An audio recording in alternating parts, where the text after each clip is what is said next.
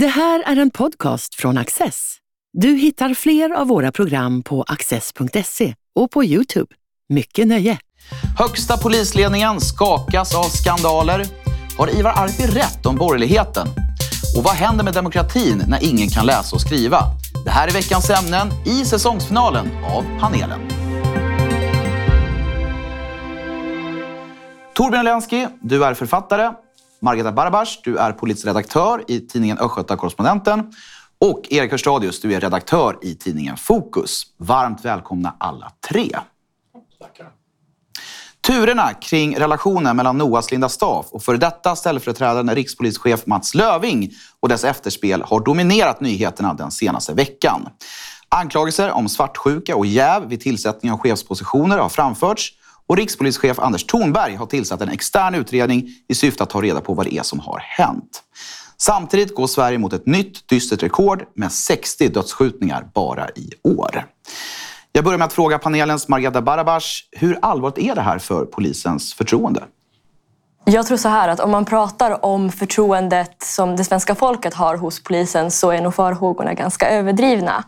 Eh, om man, eh, som institutet gjorde en mätning nu i år där man har jämfört eh, eh förtroendet för eh, polisen eh, från 2016 fram till 2022. Och då har förtroendet faktiskt stigit under de åren samtidigt då som vi har alla gängskjutningar och ökande kriminalitet. Ehm, så jag har väldigt svårt att tro att en sån här grej kommer att eh, påverka hur man ser på polisen.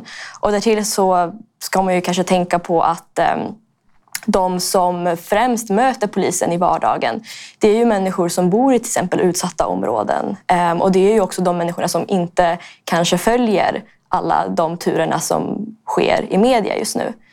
Ehm, så när det kommer till svenska folket tror jag att det kommer blåsa över ganska fort.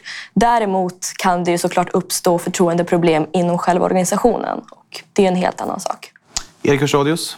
Ja, du tar upp någonting väldigt intressant tycker jag. Det här att, att vi har haft en brottsutveckling som jag vill mena, och inte bara jag naturligtvis, avgjorde valet. Alltså, lag Kristersson hade inte vunnit valet om det inte hade funnits en allvarlig och oroande brottsutveckling att peka på. Och samtidigt i mätningar så ser vi inte förtroendet för polisen gå ner. Man borde ju tänka att det, att det vore så kanske. När det gäller mätningar, eh, det här är lite nördigt, men det är väldigt svårt att mäta institutionellt förtroende, framför allt i områden som av, av olika skäl, vi kallar dem socioekonomiskt utsatta och så vidare. Det är svårt för mätinstitut att nå ut dit. Så jag skulle säga att sanningen är inte riktigt så, så, så skriven i sten som du säger. Så vi vet inte riktigt hur förtroendet ser ut. Ehm, sen är det fortfarande så i Sverige lyckligtvis att, att de flesta medborgare utsätts inte för allvarlig brottslighet. Utan det är när man tittar på kurvor det blir jobbigt. Och vissa lutar sig tillbaka och säger de, de dödar ju varandra, det är gangsteruppgörelser, det drabbar inte mig. Och det, det kan vara någon rikoschett och så vidare. Men du tar upp något väldigt intressant här. Alltså varför är förtroendet för polisen fortsatt starkt? Jag tror däremot att den här typen av, av semiskandaler som det här är. Vi vet ju ännu inte vad som har hänt, hur, hur tjänstetillsättningarna har varit. Men det, det, är klart att känslan sprider sig, tror jag, bland tidningsläsare, bland medieföljare, att det är inte ordning och reda på torpet i högsta ledningen. Och, och om jag får säga en sak till, så tycker jag det är intressant hur Tidöavtalet testas. Sverigedemokraterna står utanför regeringen, alltså rent formellt. Men här har ju de ett underbart smashläge att utöva det man nästan kan kalla regeringsmakt. Alltså säga till de andra i, i laget att om inte ni sparkar rikspolischef eller gör saker, då, då kommer vi vara väldigt tjuriga och sådär. Så nu kan de visa exekutiv makt fast de inte sitter i regeringen. Så det här är också ett test på Tidöavtalet vill jag säga. Torbjörn Elensky. Eh, jag tror att det, man kan säkert sparka de här och hålla på och rensa mycket. Och jag säger som du säger om de här opinionsundersökningarna också. Man vet inte hur frågorna formulerade, vilka som har svarat. Så. Men jag skulle säga att jag tror att det här är toppen på ett isberg som är mycket större och mycket allvarligare. Och det gäller vår blindhet för korruption generellt i Sverige. Där vi liksom inte verkar känsliga alls för de olika typer av... Alltså så snart korruption inte handlar om att någon betalar någon för en tjänst så tycker vi att det liksom är okej. Okay. Man tar in sina familjemedlemmar, man äh, äh, prioriterar partikamrater och så vidare. alla de här sakerna i Italien som är ju känt för att vara korrupt, så har man speciella termer för alla de här olika typerna av korruption, där man missbrukar sin tjänst på olika sätt. Eh, och alla de är illegala och ger flera års fängelse. Så vet jag inte hur de är på att följa upp det där. Men vi borde verkligen vidga vårt korruptionsbegrepp i Sverige och vara lite mer seriösa inför eh, de här frågorna förlåt, generellt. Det här var så öronöppnande intressant. Har, alltså man brukar säga att eskimåer har jättemånga ord för snö. Jag vet Ja, inte stämmer. ja, men ja. Menar du alltså att italienare har olika ord för olika sorts korruption? Ja, och men jag- till, och med, till och med juridiskt? juridiskt Ja, även juridiskt. Och Wow. eh, jag, jag hade en lista på dem, men jag hittade inte den när jag kom hit. Så jag inte- Amictia det enda ordet jag kommer ihåg är prevaricazione, corruzione. Alltså det handlar, man ger pengar till någon, man prioriterar familjemedlemmar, man prioriterar partimedlemmar, vilket ju också anses väl helt normalt i Sverige att göra. Socialdemokrater anställer socialdemokrater och så vidare. Inklusive på universiteten. Och där har vi ju, för att gräva mer i den här härvan, det kanske inte är korruption, men där har vi det andra stora problemet. Hela meritokratin som ju är grunden för en fungerande liberal demokrati i själva verket, verkar som den har satts på undantag i Sverige i många instanser. Ja, precis, du gör en viktig distinktion mot korruption. Men det är så att, jag tror, har du rätt värdegrund, då kanske du ska få Ja. jobbet. Jämfört med den som inte har så påstått rätt värdegrund. Exakt, och det då kan är- vara också att du representerar en viss grupp. Du kanske är kvinna. Du kanske representerar en etnisk minoritet och så vidare. Då ska du få jobbet.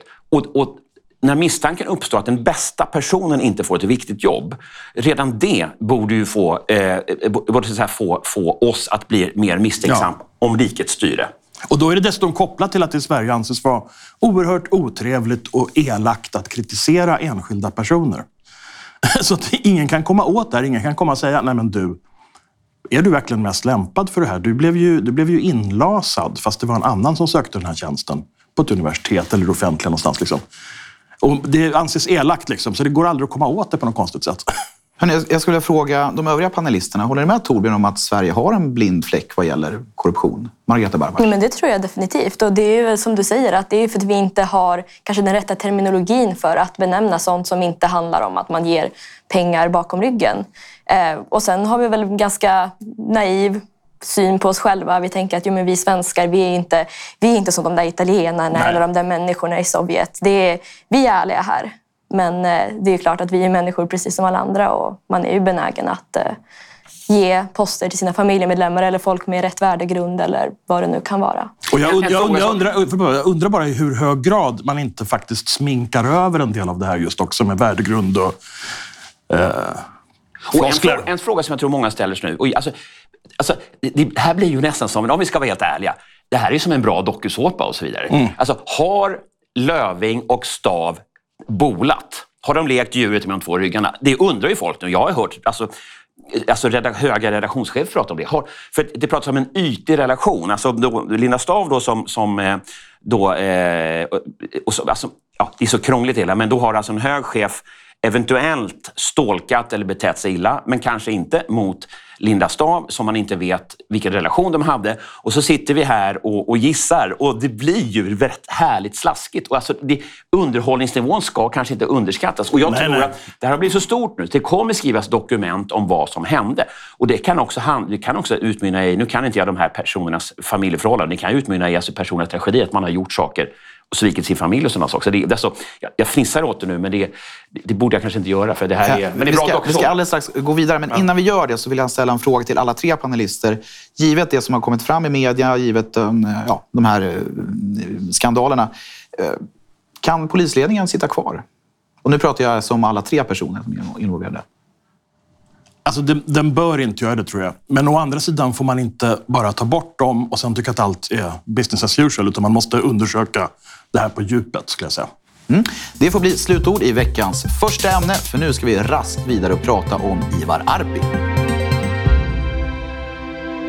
Är högern artigare än vänstern? Och är det i så fall ett problem? Ja, absolut. Det tycker i alla fall opinionsbildaren Ivar Arpi, som menar att högern, i bred bemärkelse, måste sluta vara rädd för att utöva politiskt inflytande över akademi och myndigheter. Vänstern, menar Arpi, har genom åren gjort dessa institutioner till sina egna och kommer alltid ha en fördel om inte högern börjar använda samma metoder. Erik Hörstadius, du skrev en bok för ganska många år sedan, utgiven på Timbro förlag, som hette just Vi i vänstern. Håller du med Arpi om att högern har ett artighetsproblem? Ja, alltså det han tar upp är ju det är en väldigt, väldigt viktig frågeställning. Man talar ju om när det vi kan kalla 68-vänstern växte sig stark och så vidare, så talar man om den långa marschen genom institutionerna. Och det, som, det, det, som, det går att belägga väldigt enkelt, och det gäller inte bara Sverige, att det finns en vänstertiltning i vissa frågor. Tidigare kanske handlade mer om marxistisk samhällsanalys och, sånt, och ekonomisk jämlikhet. Nu kanske det handlar mer om synen på klimatfrågan, kanske handlar mer om synen på invandring och sådana saker. Men när man ser i, i på universitet, i public service-medier och så vidare. Det är inte helt lätt att mäta, men, men det går att argumentera för att, att vänstern har väldigt mycket inflytande, väldigt mycket makt i, i, de, sam, i de samhälleliga institutionerna. Och nu kommer en, en tycker jag, alltså det är en spännande fråga om hur man tänker som vänstermänniska och som högermänniska. Jag tror många högermänniskor har någon grundläggande idé, medveten och omedveten, om att mitt värde, det ska jag bevisa mig på en marknad. Om jag tillför värde för konsumenter eller ja, folk som ska köpa min tjänst, då gör jag något bra. Om jag inte gör det, då jag ändå ska få sparken eller mitt företag ska gå, gå ner. Jag tror att inom vänstern, efter, där man har en mer positiv syn på staten, dels staten som en bra kraft för att eh, jämna ut makt och ekonomiska resurser.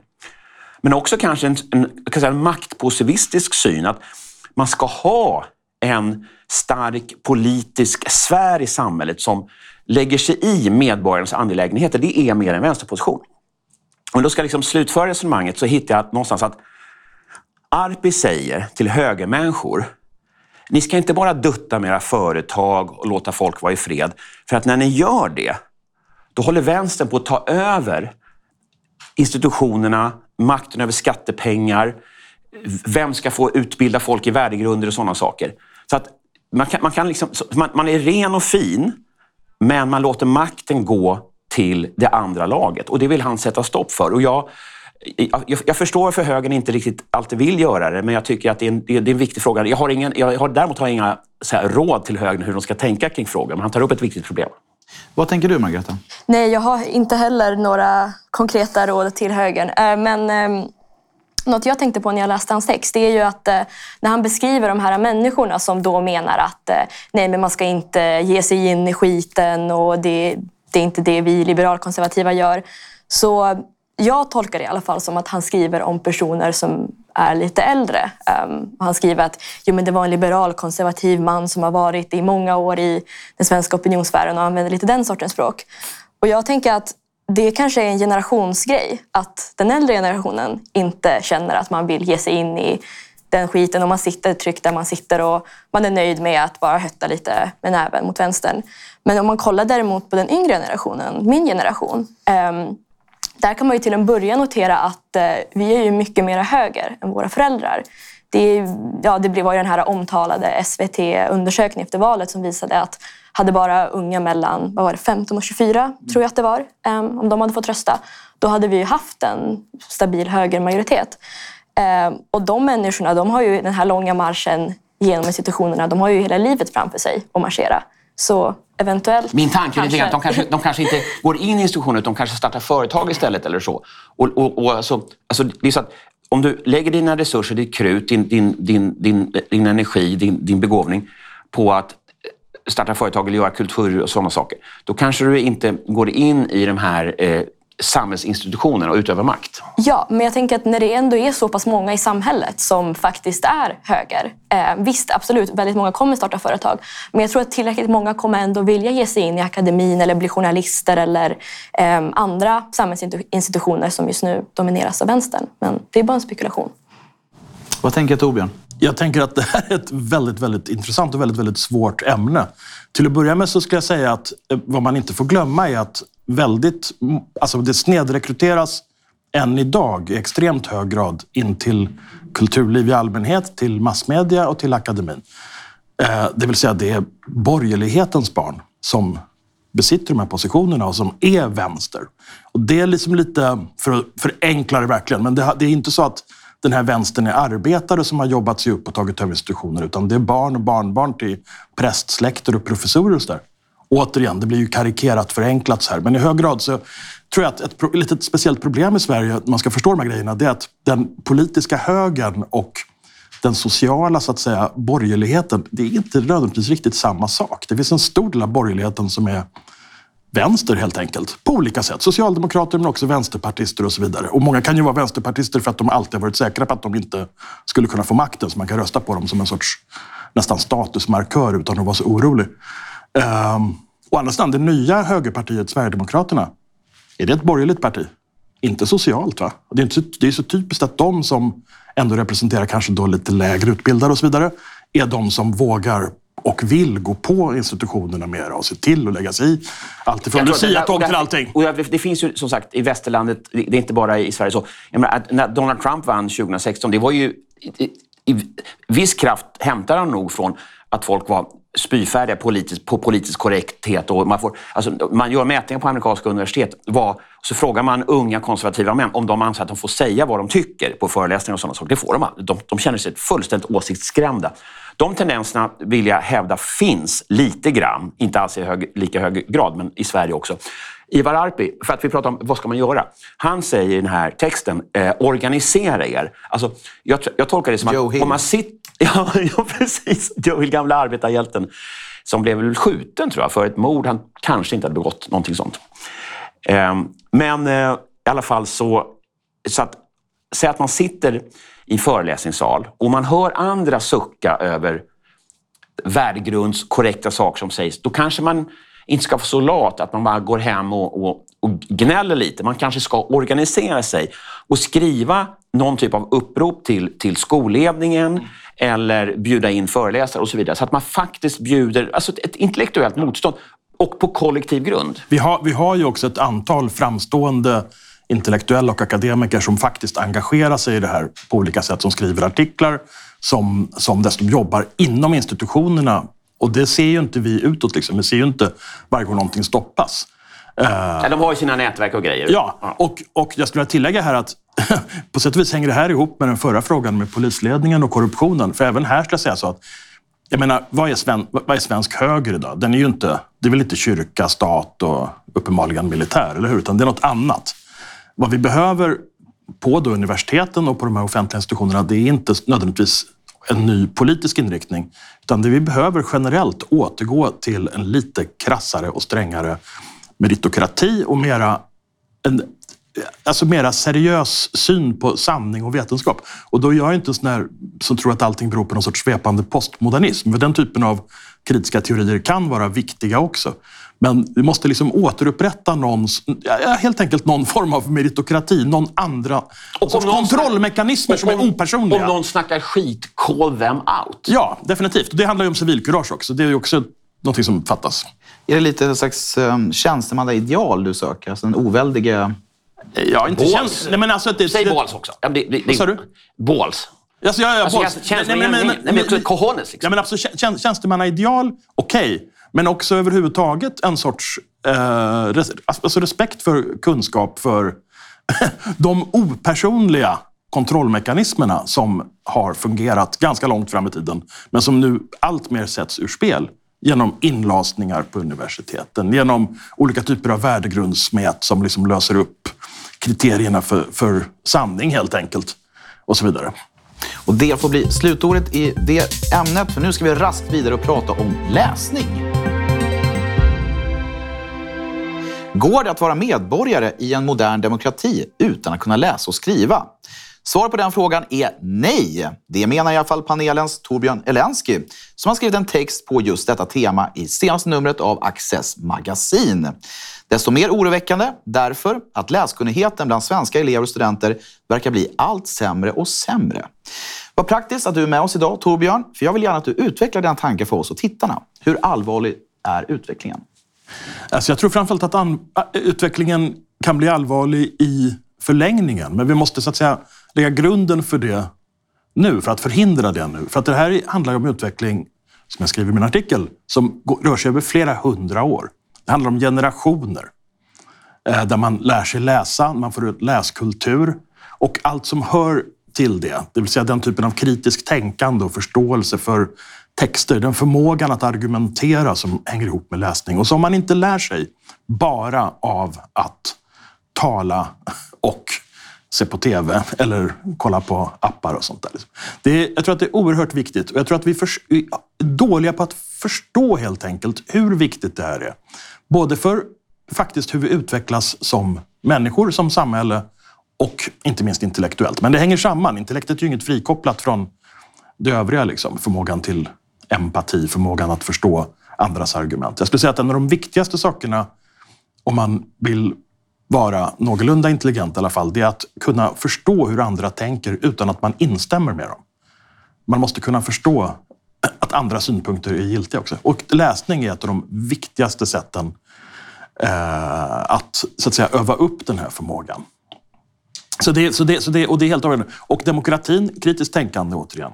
Eh, när det sjunker i takt med läsningen så sitter demokratin illa till. Kanske inte en, men på en, två, tre generationers sikt. Det går fort. Margareta, delar du Torbjörns oro? Ja, ja absolut. Och eh, tack för en jätteintressant artikel förresten. Det var en fröjd att läsa. Um, ja, nej men det, vi har ju många problem framför oss.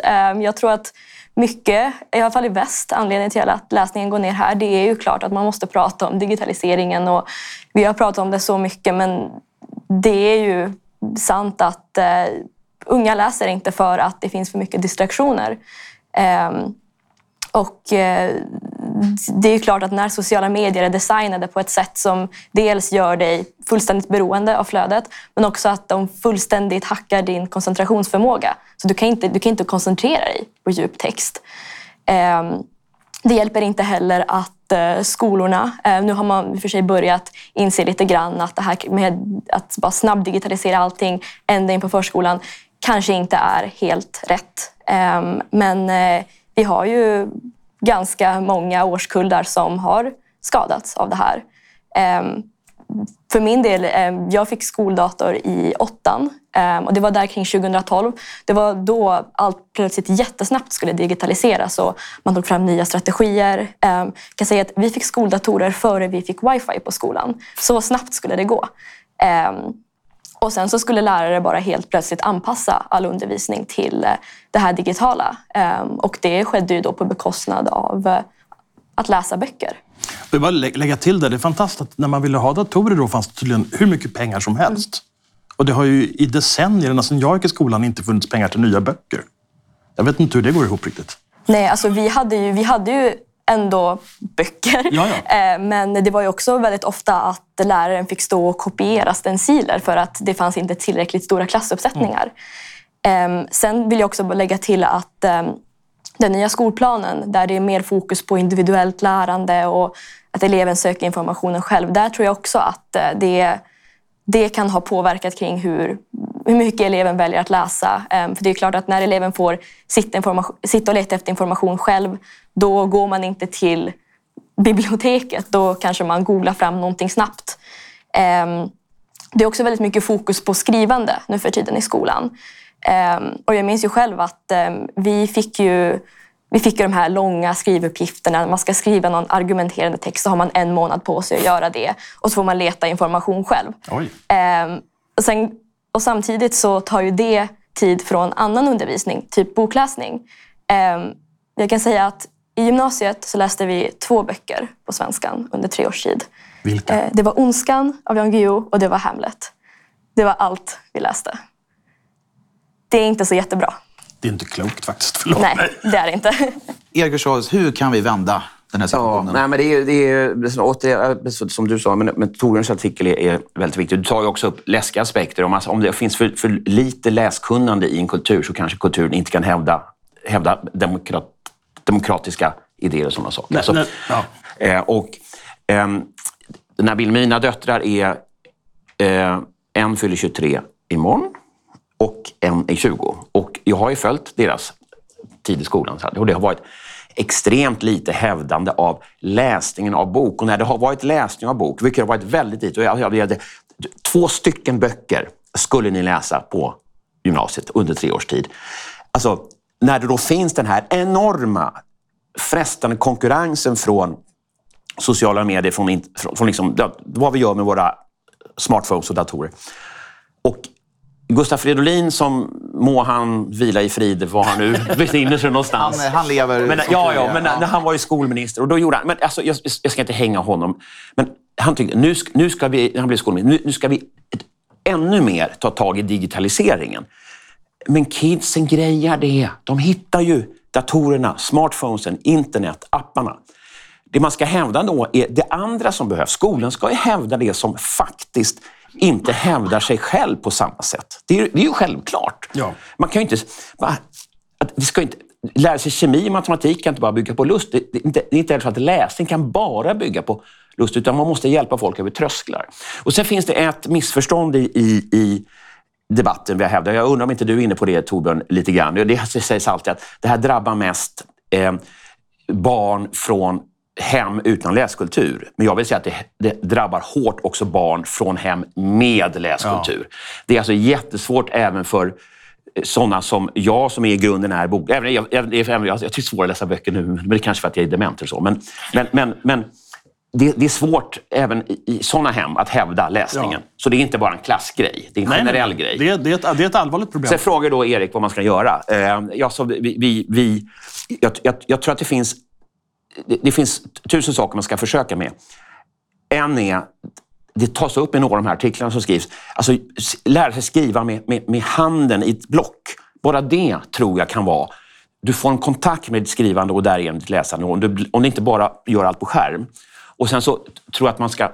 Det går. Zlatan Ibrahimovics självbiografi till exempel visar att det går att få unga människor utan läskultur att kasta sig över böcker. Mm. Det går att hitta böcker som sänker tröskeln till läsande. Jag tror vi ska tänka på att sänka tröskeln till läsandet eh, som en grej. Och inte slänga på böcker, två böcker på en hel gymnasietid, utan fler. Någon bok kommer tala till dig. Liksom.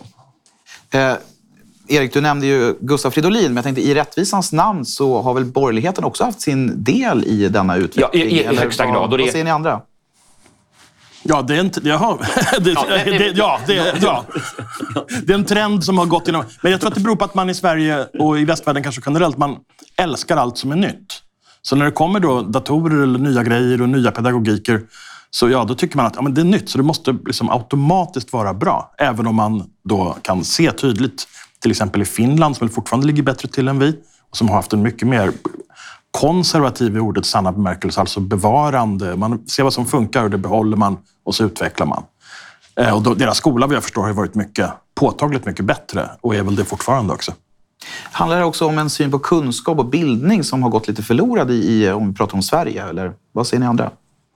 Ja, alltså, det, det, det känns nästan som ett nytt ämne, men, men så är det. Och jag tror att alltså, om jag får taska mot någon annan ung politiker, Annie Lööf som ju då visade sig i ett frågesportprogram häromåret, hon satte Gustav II Adolfs död till 1800-talet. Och det kan man ju tycka, ett årtal, liksom bla bla bla, han dog 1632, slaget vid Lützen. Men om man inte kan placera in en så central händelse som handlar om Sverige som stormaktstid, har man troligen ingen koll på historien alls. Utan man har säkert världens bästa värdegrund. Men om man då är en central politiker och uppenbarligen inte behärskar elementa då, då litar jag inte på henne. Och jag tror att vi ska vara bättre på att ge våra barn en... Det är också så att som sagt, ett nytt ämne. För att lära sig nya saker måste man kunna fästa de nya sakerna på någon slags mental karta. Det är omöjligt att lära sig var Tbilisi ligger om man inte kan placera länder i, runt i gamla Sovjetunionen. Slutord, Torbjörn ja, ja, jag håller helt med om detta. Alltså det som är så speciellt också, som jag vill säga att jag visar i den här artikeln, det är att man kan tydligt se graden i utveckling ekonomiskt och socialt i olika delar av världen knutet till språket. Och då är Italien återigen ett bra exempel. Där man ser att de rikaste delarna, Piemonte, Lombardiet, norra Italien nära Frankrike, Österrike, Schweiz och så vidare. Ehm, de hade högre läskunnighet redan på 1800-talet och de har också högre utveckling under loppet av 1900-talet. Medan man där nere i söder hade läskunnighet som var på nivå med läskunnigheten, då får man säga, i arabiskspråkiga länder. Extremt låg. 12 procent i Basilicata kunde läsa i början av 1900-talet. Och det är fortfarande en av de fattigaste och mest eftersatta. Och mest korrupta för den delen också, regionerna. Det får bli slutord för den här säsongsavslutningen av panelen. Ett stort tack för att ni har varit med och ett stort tack för att ni har tittat. Och god jul och ett gott nytt år. Du har just lyssnat på en podcast från Access. Du vet väl att vi också är en tv-kanal och tidning? Teckna en prenumeration idag på access.se.